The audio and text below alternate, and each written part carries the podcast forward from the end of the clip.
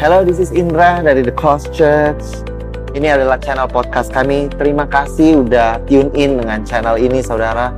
Kami berharap bahwa setiap message kami dapat membukakan lebih siapa Tuhan, saudara, dan Injil kasih karunia dan apa yang Yesus sudah lakukan di kayu salib kiranya membebaskan kehidupan saudara. Di dalam nama Yesus. Enjoy the message. God bless you.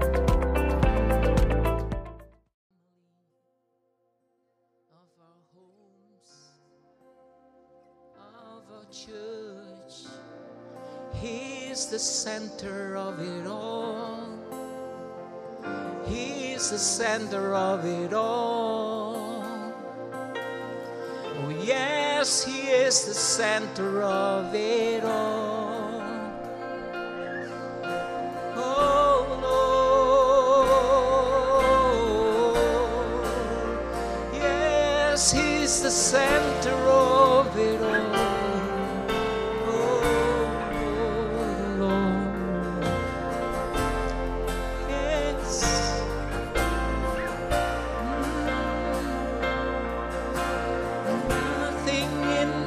world will do. Jesus, you're the center. Everything revolves around you. Jesus, you. Jesus, Jesus, Jesus. Good morning, Father. Good morning, Jesus. Good morning, Holy Spirit. Kami anak-anakmu Tuhan rindu datang. Terlebih-lebih engkau rindu bertemu dengan kami. Thank you Jesus for this beautiful time. Terima kasih Tuhan kami masih bisa tune in, masih bisa mendengarkan, menikmati hadiratmu di rumah kami masing-masing. Tuhan kau yang memberkati setiap anak-anakmu di mana pun mereka berada saat ini. Mereka yang sedang lemah, mereka yang sedang dalam kebimbangan, mungkin mereka yang sedang dalam kelemahan fisik, mungkin mereka yang dalam kekurangan secara materi. Engkau yang menjumpai mereka di titik di mana mereka membutuhkan Tuhan. Terima kasih Tuhan, Kau Allah yang setia ya. Kami sering tidak setia tapi Engkau tetap setia Tuhan. Thank you Jesus. Terima kasih Tuhan. Terima kasih. Haleluya. Haleluya. Amen. Wow. Terima kasih untuk worship team khususnya Zack, Mia, and everyone. Week in and week out saya selalu diberkati. Wow, mungkin malah cukup ya. Saya rasa udah nggak perlu lagi firman. Tadi saya dengar Dea juga udah sharing dengan luar biasa. Ada, wuh, ada rema yang disampaikan. Amen. Wow, gereja harusnya seperti ini ya. Penuh dengan firman Tuhan, penuh dengan life, penuh dengan uh, strength, hope, peace, and joy in the Holy Spirit. Oke, terima kasih worship team bisa kembali duduk. Mungkin uh, cuman Zack aja yang boleh uh, harus di di setrap. Amen. Haleluya.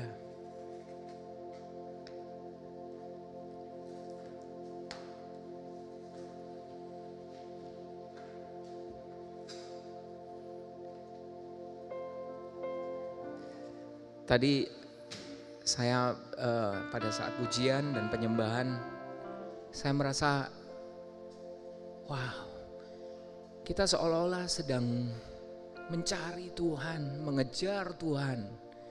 Tapi sebenarnya yang terjadi Tuhan lebih-lebih pingin mengejar kita. Dia ingin segera memeluk kita. Dia menunggu sebenarnya. Amazing.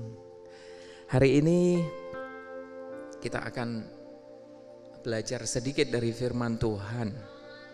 Dan tema kita pagi hari ini adalah The Man After God's Own Heart. atau orang yang berkenan di hati Tuhan.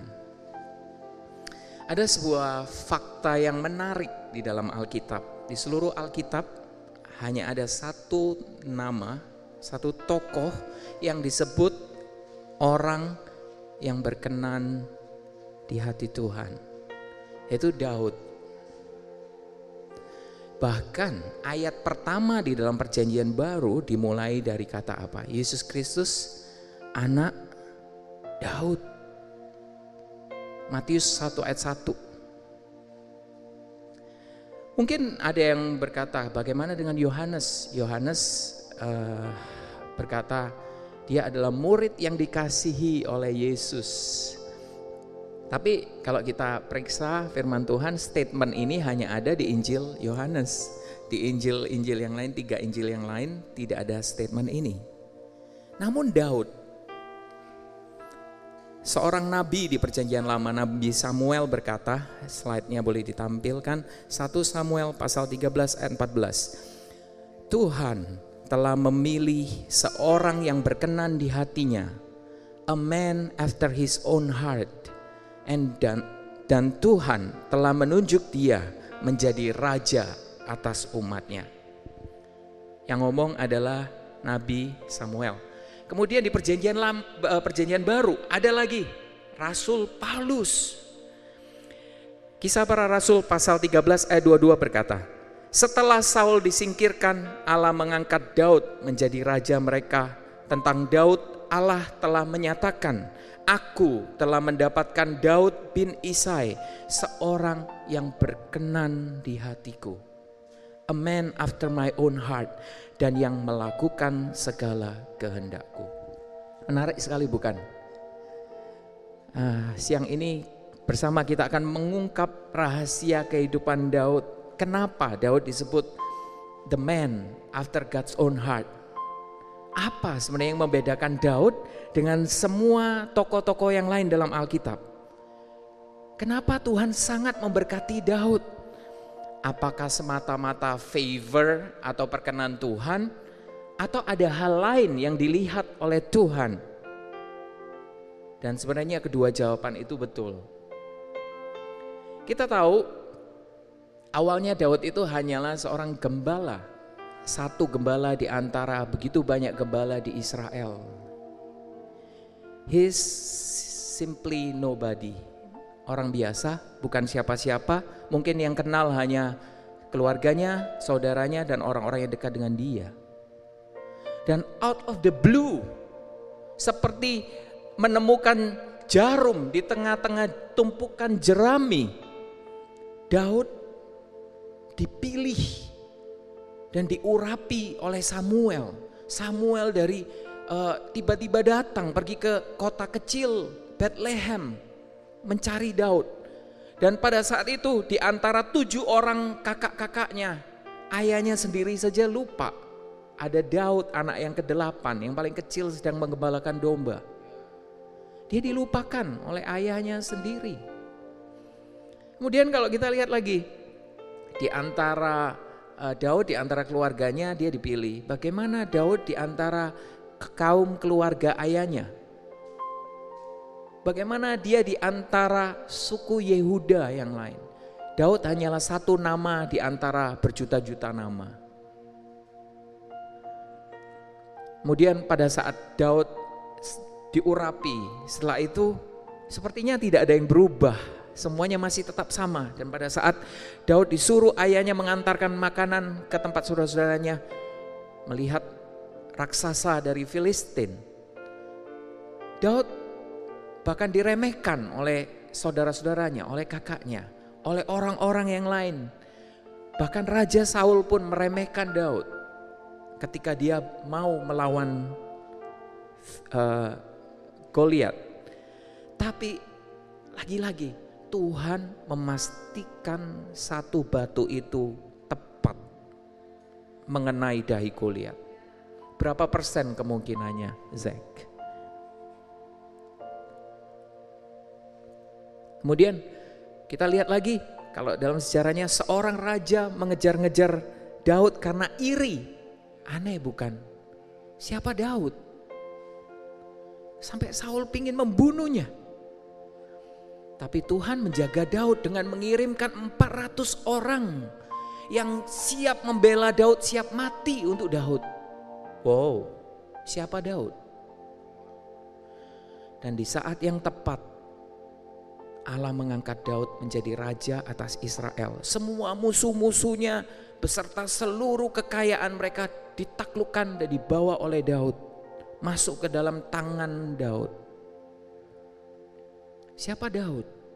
Ketika sudah tua, Daud mempunyai seorang anak menjadi raja yang paling bijaksana, raja yang terkaya, Salomo.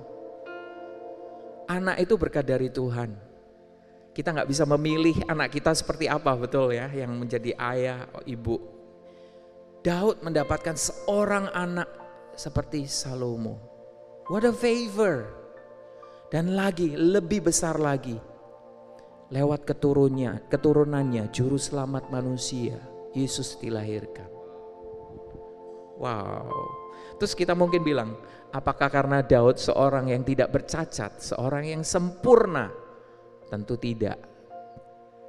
Saya akan uh, bacakan atau jelaskan apa kelemahan kesalahannya Daud kita paling suka mengatakan kesalahan orang lain ya. nah Daud, kita lihat kesalahannya apa aja. Daud berbohong kepada Ahimelek imam di Nob. Dia berdalih sedang dalam satu misi rahasia disuruh oleh raja. Padahal Daud sebenarnya sedang dikejar oleh raja. Dan di situ dia makan roti yang sebenarnya hanya diperuntukkan bagi para imam. Kesalahan. Terus yang kedua, pura-pura gila. Bayangin seorang yang sudah ditentukan jadi raja Israel, pura-pura gila di hadapan musuhnya, Filistin.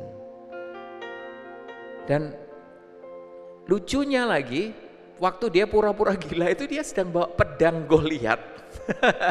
pedang musuh besar yang sudah dikalahkannya.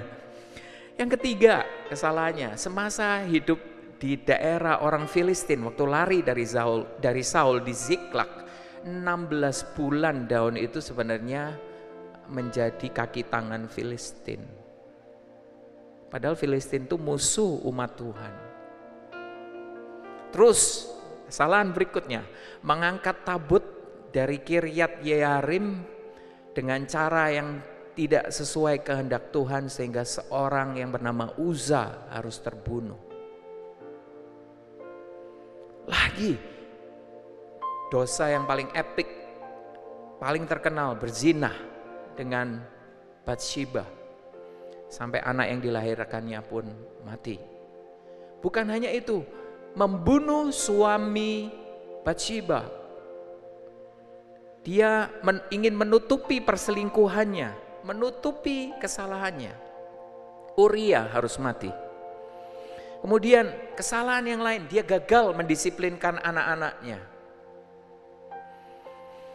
Amnon, anak yang paling gede, memperkosa Tamar adik tirinya. Tamar kemudian um, lapor sama kakaknya Absalom. Absalom marah, Absalom membunuh Amnon dan ini mengakibatkan kemarahan Daud. Dan karena kemarahan Daud ini akhirnya Absalom ini menjadi orang yang memberontak terhadap ayahnya. Dan akhirnya Absalom terbunuh anaknya sendiri. Di akhir hidupnya Daud melakukan satu kesalahan besar lagi. Apakah itu? Dia bersikeras menghitung pasukannya. Ada 1,3 juta orang pasukan. Dan ini sebenarnya adalah uh, sumber kebanggaan dan rasa aman dari Daud. Tuhan marah 70 ribu orang mati. Ini semua ada ayatnya, ada di dalam perjanjian lama, ada di satu Samuel, ada di Tawarik, dua Samuel, ada di satu Tawarik. Daud, the man after God's own heart, bukanlah orang yang sempurna. Dia tidak sempurna. Bukan juga karena Daud cepat bertobat setelah dia berdosa. Ada yang bilang demikian. Karena Samuel bernubuat mengatakan tentang Daud sebelum Daud melakukan kesalahan. Sebelum Daud menjadi seorang raja, dia masihlah seorang anak-anak yang menggembalakan dombanya. Daud bukanlah Abraham, pahlawan iman, bukan Musa, pembuat mujizat dan tanda-tanda ajaib, bukan Henok yang hidup berjalan dengan Allah setiap saat sampai diangkat hidup-hidup ke sorga. Bukan juga satu-satunya pahlawan perang di Israel, masih ada Gideon, masih ada hakim-hakim yang lain. Bukan satu-satunya orang yang mengalami penolakan, ketidakadilan, kekecewaan, kesulitan dalam hidup, masih ada Yusuf. Bukan juga pendoa yang tekun seperti Daniel. Bukan satu-satunya penulis puisi lagu di dalam Alkitab. Karena ada Salomo. Dan dia juga bukan raja yang paling pintar, paling berhikmat. Karena Salomo lah orangnya. Namun Daud memiliki satu keunikan yang tidak ditemukan pada tokoh-tokoh yang sudah kita tahu, yang kita sudah dengarkan dan sudah kita baca. Apakah itu?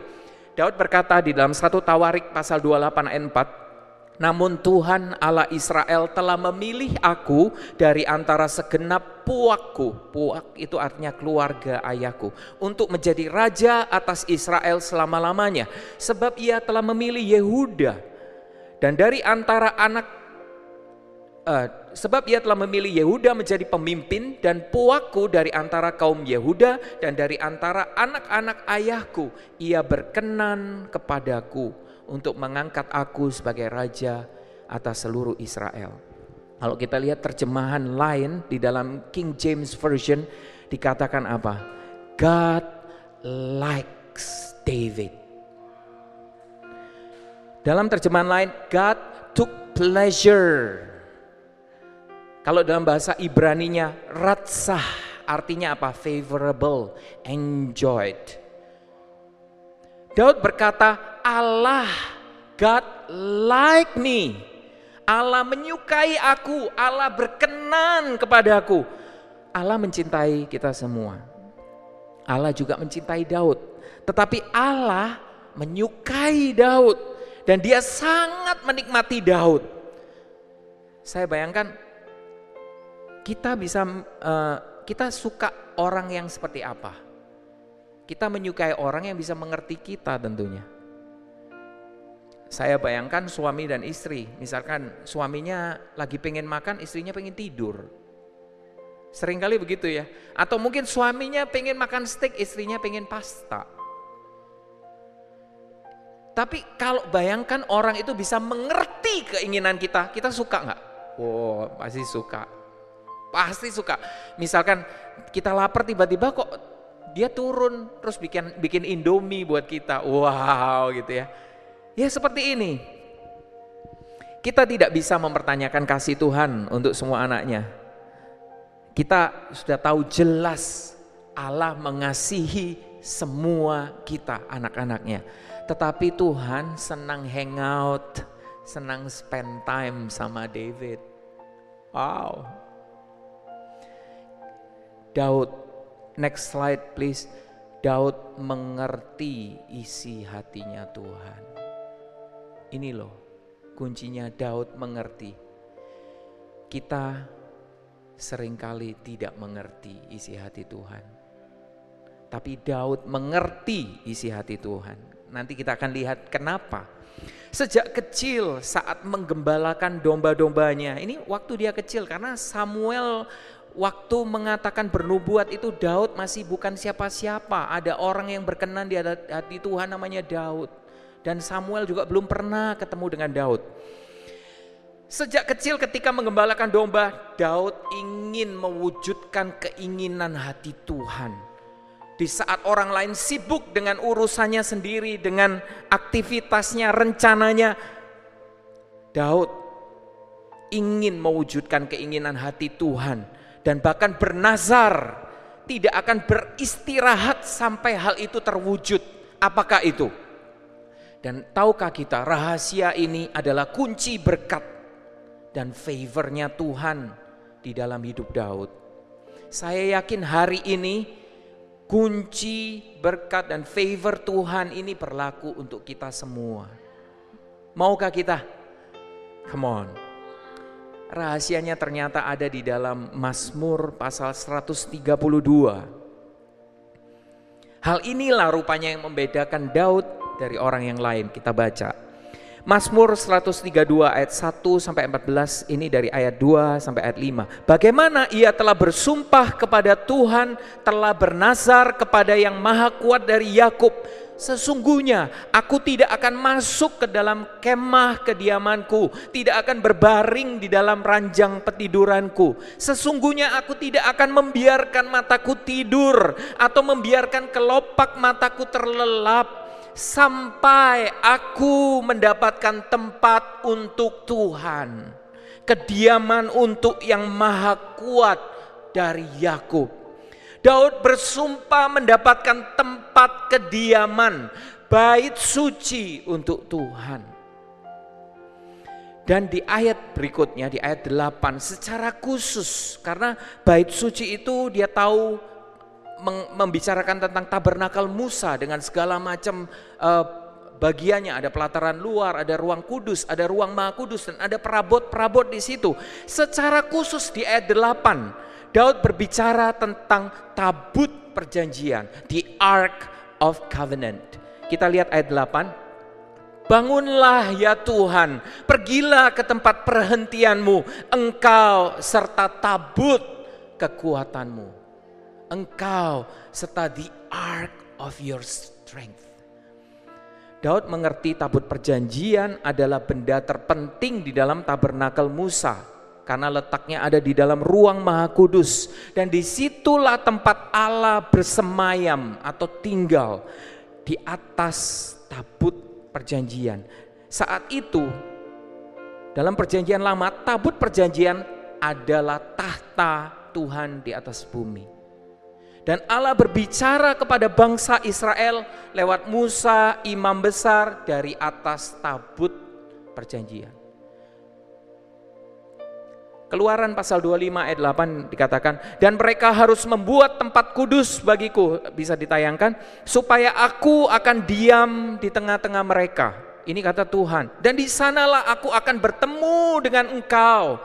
Dan dari atas tutup pendamaian itu, dari antara kedua kerup yang di atas tabut hukum itu, aku akan berbicara dengan engkau tentang segala sesuatu yang akan kuperintahkan kepadamu untuk disampaikan kepada orang Israel. Pertanyaannya, di manakah tabut perjanjian pada saat itu? Daud kecil mendengar sejarah bangsanya ketika Allah menyuruh Musa membuat tabut perjanjian di padang gurun. Bagaimana tabut itu berjalan mendahului mereka dan bagaimana dia memimpi Allah memberikan kemenangan ketika berperang melawan musuh-musuh mereka. Ketika para imam mengangkut tabut membelah sungai Yordan dipimpin oleh Yosua, orang Israel menyeberang di tanah yang kering ketika tabut Tuhan dibawa mengelilingi kota Yeriko dan tembok kota itu runtuh rata dengan tanah dan mereka menyerbu merebut kota itu. Ketika mereka menempatkan ini Daud tahu cerita ini semua ketika mereka menempatkan tabut itu di Silo setelah Yosua mati. Kemudian tabut perjanjian itu dikeluarkan dari kemah suci untuk dipakai berperang. Namun tabut itu jatuh direbut oleh orang Filistin. Selama tujuh bulan di tanah Filistin.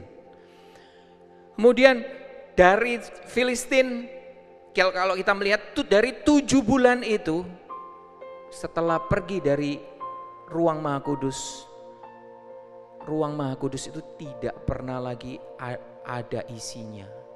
Tabut itu tidak pernah kembali ke dalam ruang Maha Kudus selama 20 tahun. Kosong. Sebenarnya orang Filistin sudah mengembalikan tabut perjanjian itu ke wilayah Israel, ke Bet Semes. Tapi dari sana tabut ini dibawa, diangkut ke daerah yang namanya Kiryat Yearim. Dan selama 20 tahun itu tabut ini ada di rumah seseorang yang bernama Abinadab. Tapi tidak ada seorang pun yang peduli.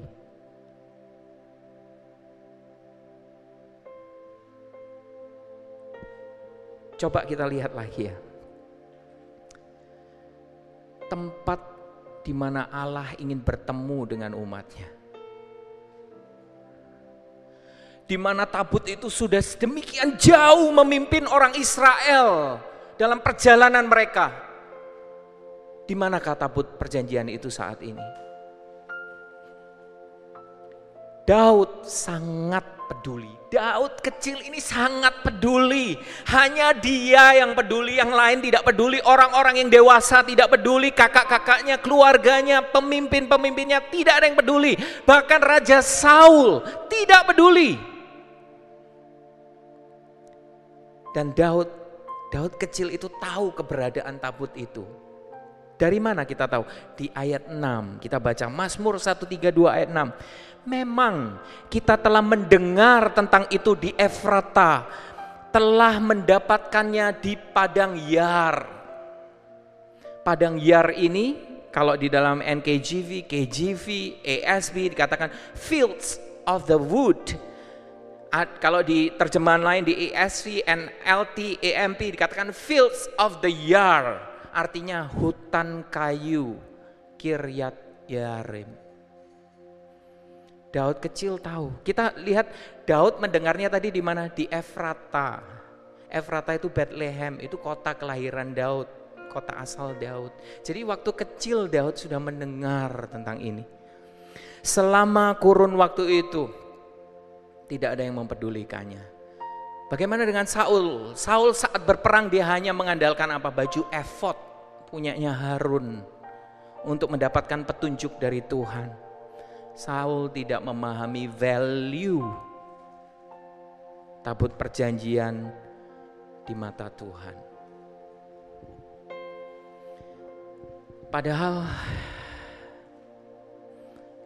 waktu tabut perjanjian diperintahkan untuk dibuat oleh Musa, kalau kita buka uh, firman Tuhan di Keluaran pasal 25, yang disuruh membuat pertama itu apa?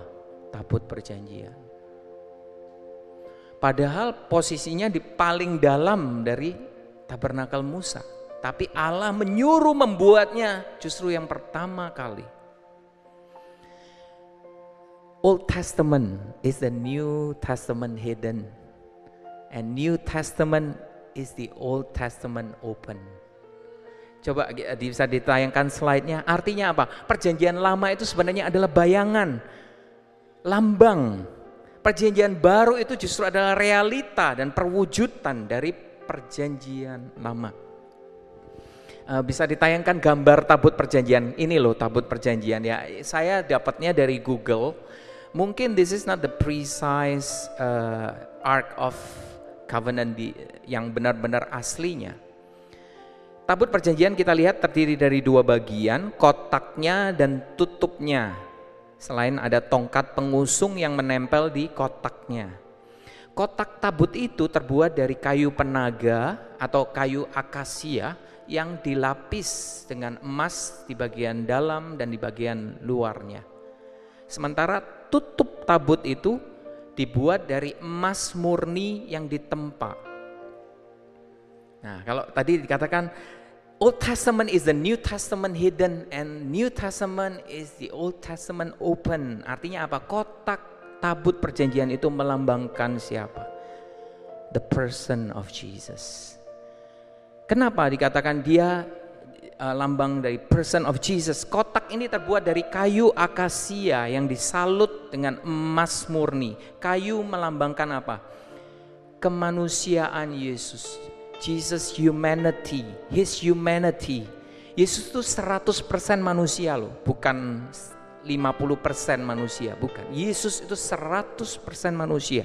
Dan emas murni itu melambangkan keilahian Yesus atau his divinity, his deity.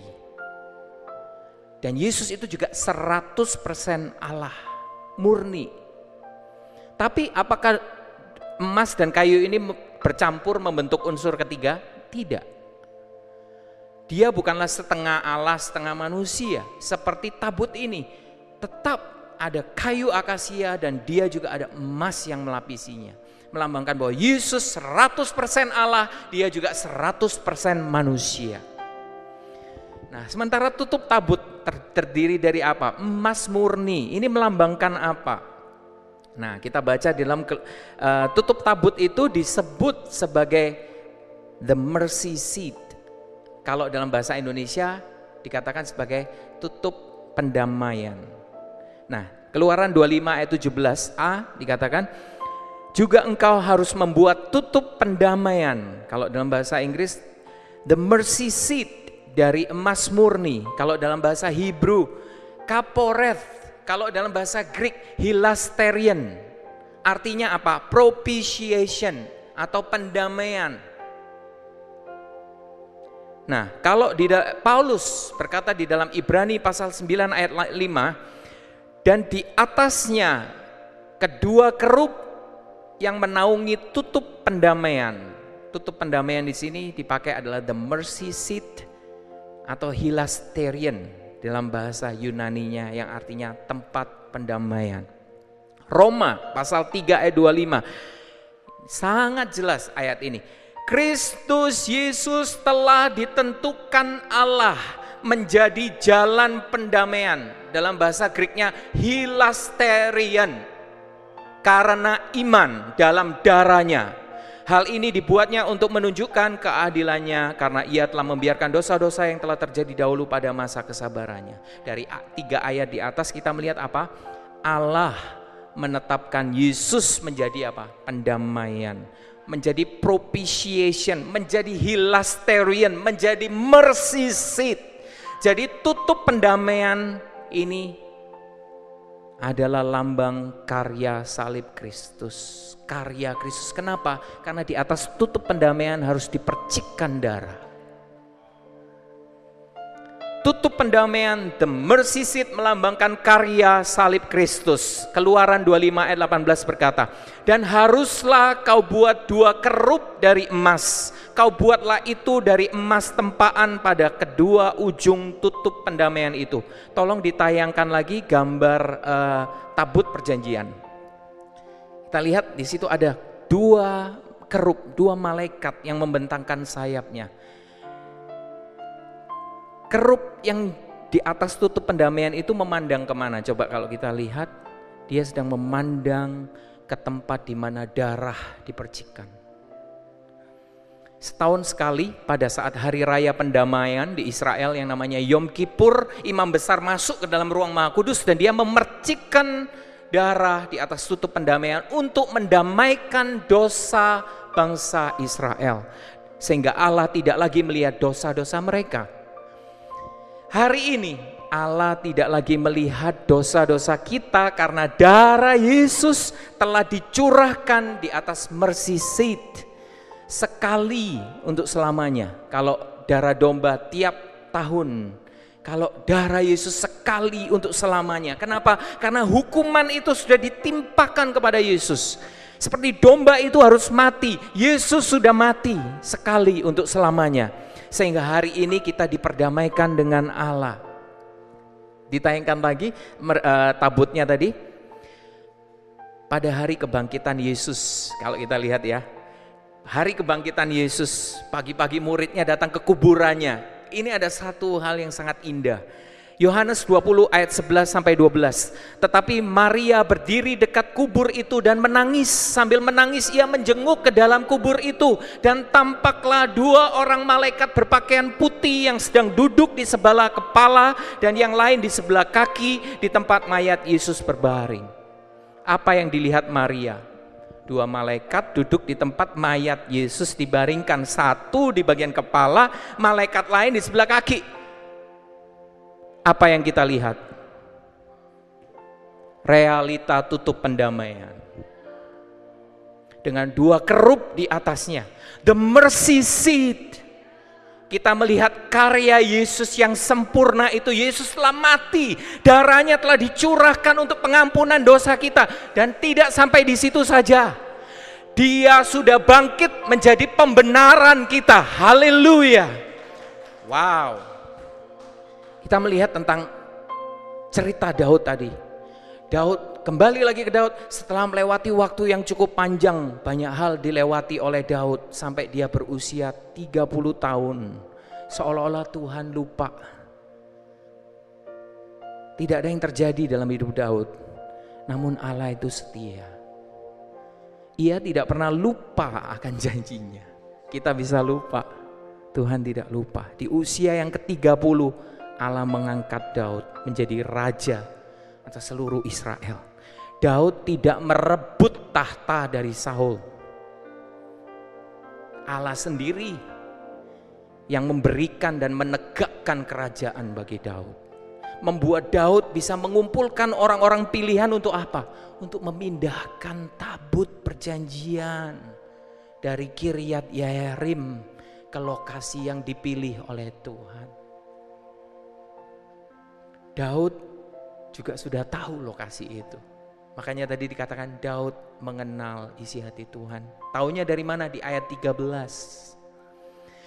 Sebab Tuhan telah memilih Sion. Menginginkan, mengingininya menjadi tempat kedudukannya. Daud tahu Allah maunya di mana. Allah sendiri, terus Allahnya sendiri berfirman bagaimana di ayat 14. Inilah tempat perhentianku selama-lamanya. Di sini aku hendak diam sebab aku mengingininya. Precise ya. This is David. Daud berusaha memindahkan dari Kiryat Yarim tabut itu. Usaha pertamanya tidak berhasil.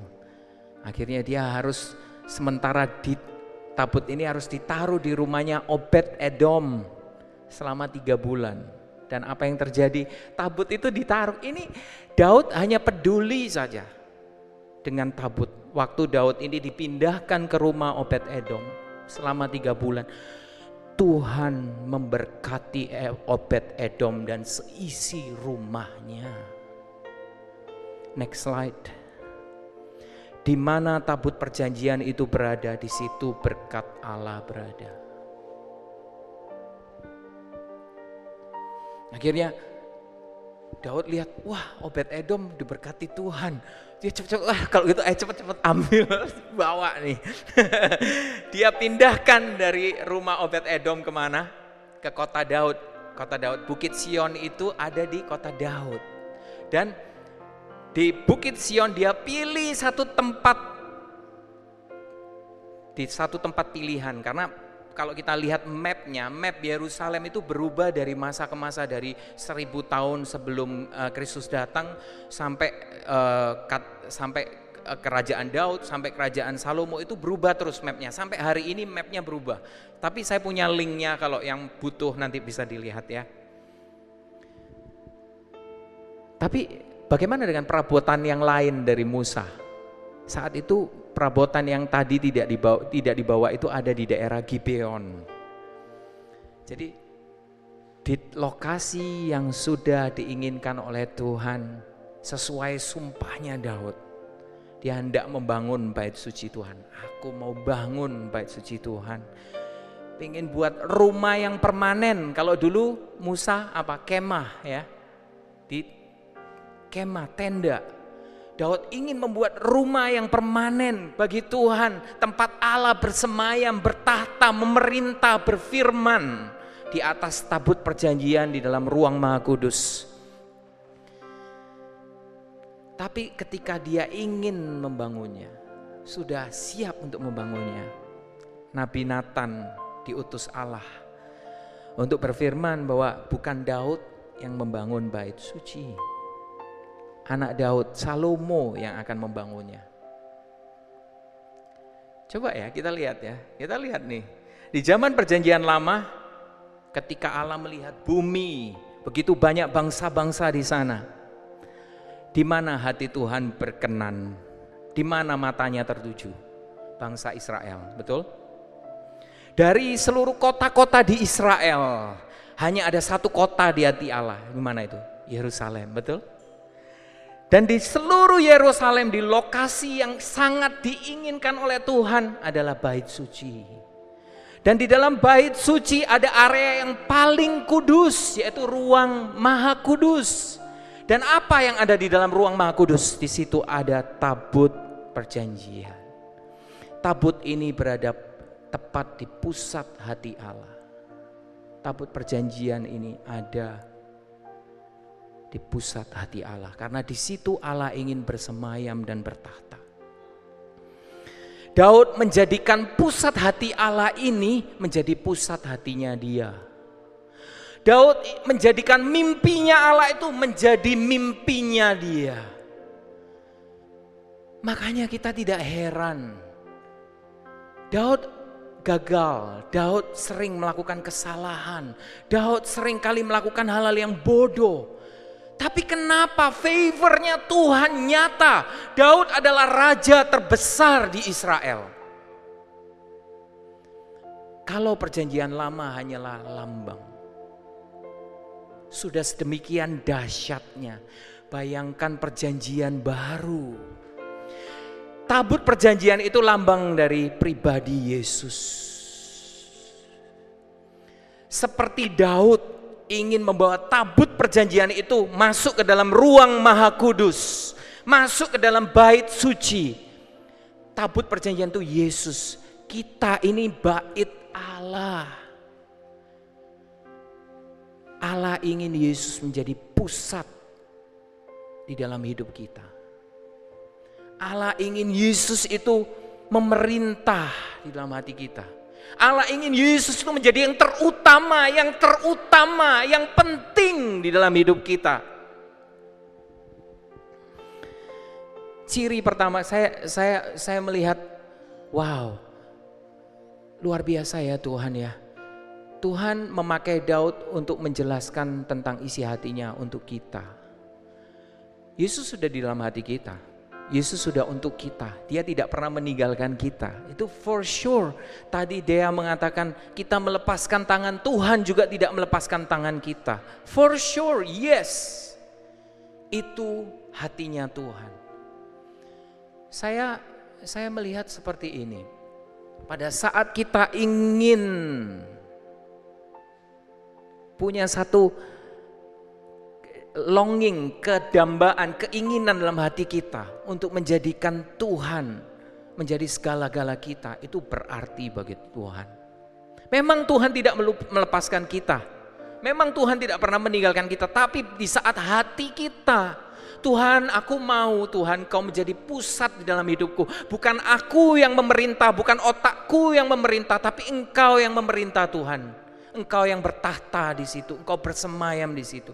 Itu berbeda. Ciri pertama orang yang dipimpin oleh hikmat Tuhan itu apa? Menghargai Yesus. Percaya di dalam firman Tuhan jelas. Seorang raja yang paling bijaksana adalah Salomo. Salomo adalah raja paling berhikmat. Setelah dia menerima hikmat dari Tuhan lewat mimpi, hal pertama apakah yang dilakukan Salomo? Satu Raja-Raja 3 ayat 15. Lalu terjagalah Salomo, ternyata ia bermimpi. Sekembalinya ke Yerusalem, berdirilah ia di hadapan tabut perjanjian Tuhan. Dipersembahkannya korban-korban bakaran dan korban-korban keselamatan. Hikmat Tuhan membuat Salomo menghargai tabut perjanjian. Tadi kita belajar Tabut perjanjian melambangkan Yesus. Dalam perjanjian baru, ketika bayi Yesus dilahirkan. Siapakah orang yang mencari Yesus? The wise man. Orang majus datang mencari Yesus, menyembah dia, mempersembahkan persembahan.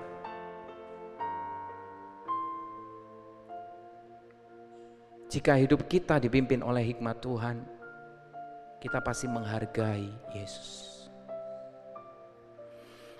Pertanyaannya apakah kita cukup menghargai value atau value Jesus? Pertanyaannya demikian, sudahkah Tuhan menjadi pusat menjadi raja yang bertahta, memerintah dalam hidup kita? Gampang indikatornya. Saat kita bangun pagi, apa yang kita lakukan? Setelah bangun pagi, langsung memikirkan to-do list. Atau mungkin pegang HP, cek sosmed, cek saldo. Atau mungkin baca berita update tentang COVID, money market, atau buka email kerjaan, atau olahraga atau sibuk mengurus anak untuk para ibu. Spend time with him. Bangun tidur give thanks sama Tuhan untuk for life, for good health, for family, for what we have, for what we don't have, for everything ngopi sama dia. Saya suka ngopi. Ajak Jesus ngopi. Ngobrol, curhat sama dia. Nikmati hadiratnya. Sembah dia. Serahkan hidupmu, rencanamu, kekhawatiranmu kepadanya. Terus ajak dia. Jangan lupa, jangan ditinggal. Ajak dia di dalam setiap aktivitas kita Nanya sama dia sebelum keputusan kita buat. Tuhan aku mau makan ke sini, aku mau pergi ke sini. Mungkin Tuhan bilang, uh, next time deh. Ternyata Tuhan sedang menjaga kita dari COVID. Nanya sama dia sebelum keputusan kita buat. Sekalipun keputusan yang salah Tuhan tetap bisa bekerja di atasnya. Lebih baik kalau kita menempatkan dia menjadi raja yang memerintah hidup kita minta tolong sama dia untuk bantu kita ngurusin keluarga, mendidik anak kita. Biarlah dia menjadi pusat dan hidup kita itu berjalan mengelilingi dia. Tadi lagu uh, Jesus at the Center.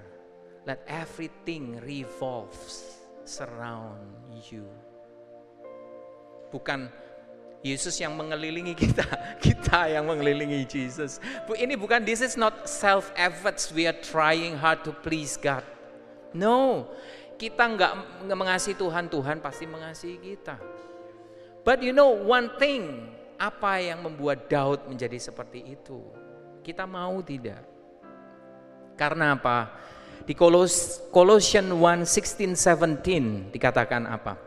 For by him all things were created in heaven and on earth, visible and invisible, whether thrones or dominions or rulers or authorities, all things were created through him and for him.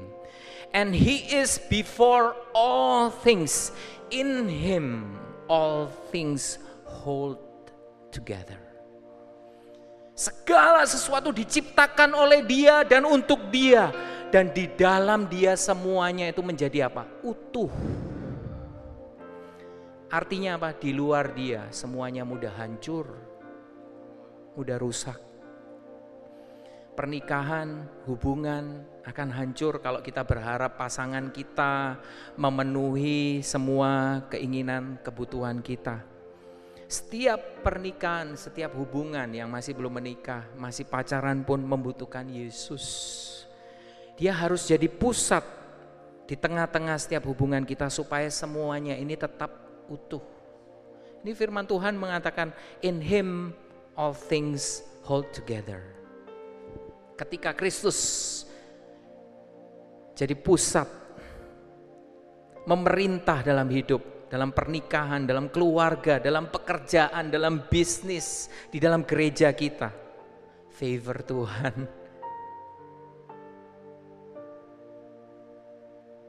Dan kita menikmati shalom, menikmati wholeness-nya Tuhan. Saya tadi itu membayangkan kita sering kali uh, kalau uh, berada di daerah terpencil susah sinyal. Ya. Kalau when you put God at the center to be the king of your life, of your heart, itu kita di zonanya Tuhan. Wow, jangan main-main kalau ada di zonanya Tuhan. Siapa yang berani macam-macam? Kita sering kali merasa kita bisa. Ibrani pasal 4 ayat 16. Mungkin ada yang bilang, kok itu tadi bagus sekali, tapi hari ini saya merasa sih gagal, saya merasa kecewa, saya mungkin merasa lemah, atau mungkin saya merasa tidak layak. Setan selalu ingin kita melihat pada masalah, rasa sakit, kekecewaan, kegagalan, dosa, ketidakberdayaan kita. Sementara Allah ingin kita berfokus pada pribadi Yesus. Allah ingin kita fokus sama Jesus dan what he has done for us dan karya penebusannya yang sempurna. Tutup pendamaian kita yang menyelesaikan semua masalah. Baik dosa, kelemahan, penyakit yang sedang kita hadapi saat ini sudah, saya katakan sudah diselesaikan oleh Yesus. Sebab itu marilah kita dengan penuh keberanian menghampiri tahta kasih karunia. Supaya kita menerima rahmat dan menemukan kasih karunia. Untuk apa? Untuk mendapat pertolongan kita pada waktunya. Justru firman Tuhan mengingatkan kita pada saat kita lemah. Tuhan mengatakan, datang dengan penuh keberanian. Kenapa kita bisa datang menghampiri tata kasih karunia atau mercy seat ini? Kenapa kita bisa datang dengan penuh keberanian? Karena darahnya telah dicurahkan di atas tutup pendamaian. Yesus telah membayar lunas semuanya. Hari ini sekalipun masih berdosa, masih banyak kelemahan, masih uh, banyak keraguan, kita bisa datang kepadanya dengan berani tanpa rasa takut, tanpa rasa malu. Dan ketika kita datang, di ayat tadi dikatakan apa? Ketika kita datang di saat laporan medis dari dokter buruk, ketika datang dengan situasi buruk di dalam keluarga kita, atau ketika kita sedih, ketika kita marah, ketika kita kecewa, kita menghampiri tata kasih karunia, the mercy seat. Untuk apa? Untuk to obtain mercy, menerima rahmat. Apa itu mercy? Mercy itu artinya tidak mendapatkan hal-hal buruk yang sepatutnya kita terima. Mercy ya ini bahasa saya ya, terjemahan yang gampang adalah mendapatkan uh, tidak mendapat hal buruk yang sepantasnya kita terima. And find grace dikatakan. Menemukan kasih karunia. Apa itu kasih karunia? Kasih karunia itu sebaliknya. Mendapat semua hal baik yang tidak layak kita terima. To obtain mercy. Tidak mendapatkan apa yang sepantasnya kita terima dan to find grace mendapatkan hal baik yang sebenarnya tidak pantas kita terima. Untuk mendapat pertolongan kita pada waktunya. Dan pertolongannya dikatakan apa? Pada waktunya tidak pernah terlambat. Selalu on time. Firman Tuhan sampai di sini. Saya uh, mengingat Tuhan sudah melakukan bagiannya. Bukan kita harus melakukan bagian kita, tidak. Saya melihat apa yang membuat Daud berbeda. Dia mengerti hatinya Tuhan. Hati Tuhan ada di atas tabut perjanjiannya. Hati Tuhan ada pada Yesus. Siapa yang peduli sama Yesus?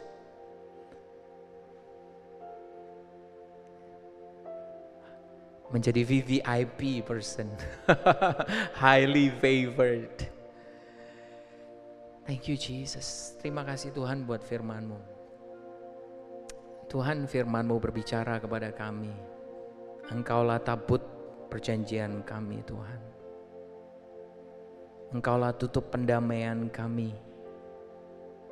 Sekarang kami boleh datang dengan penuh keberanian menghampiri tata kasih karunia menghampiri mercy seat to obtain mercy and to receive and to find grace in time of needs.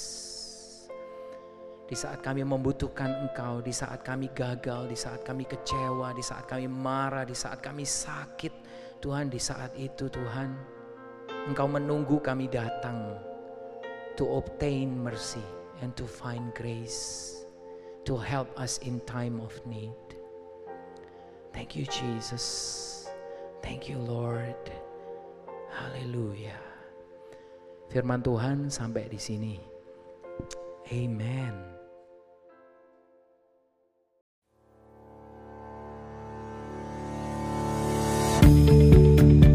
Terima kasih lagi sudah mendengarkan episode ini saudara dari podcast ini. Thank you so much saudara. Saya berharap bahwa Injil kasih karunia dan apa yang Yesus sudah lakukan bisa membebaskan kehidupanmu saudara. Kalau saudara diberkati, saya mengundang saudara untuk share saudara um, sermon ini baik secara pribadi kepada your friends and your family saudara atau you can screenshot dan kau bisa bagikan kepada sosial media saudara dan jadilah terang saudara. I hope um, message ini melalui saudara bisa memberkati lebih banyak orang lagi. Dan kalau saudara diberkati, saya mengundang saudara untuk subscribe kepada channel podcast ini. Again, I want to thank you.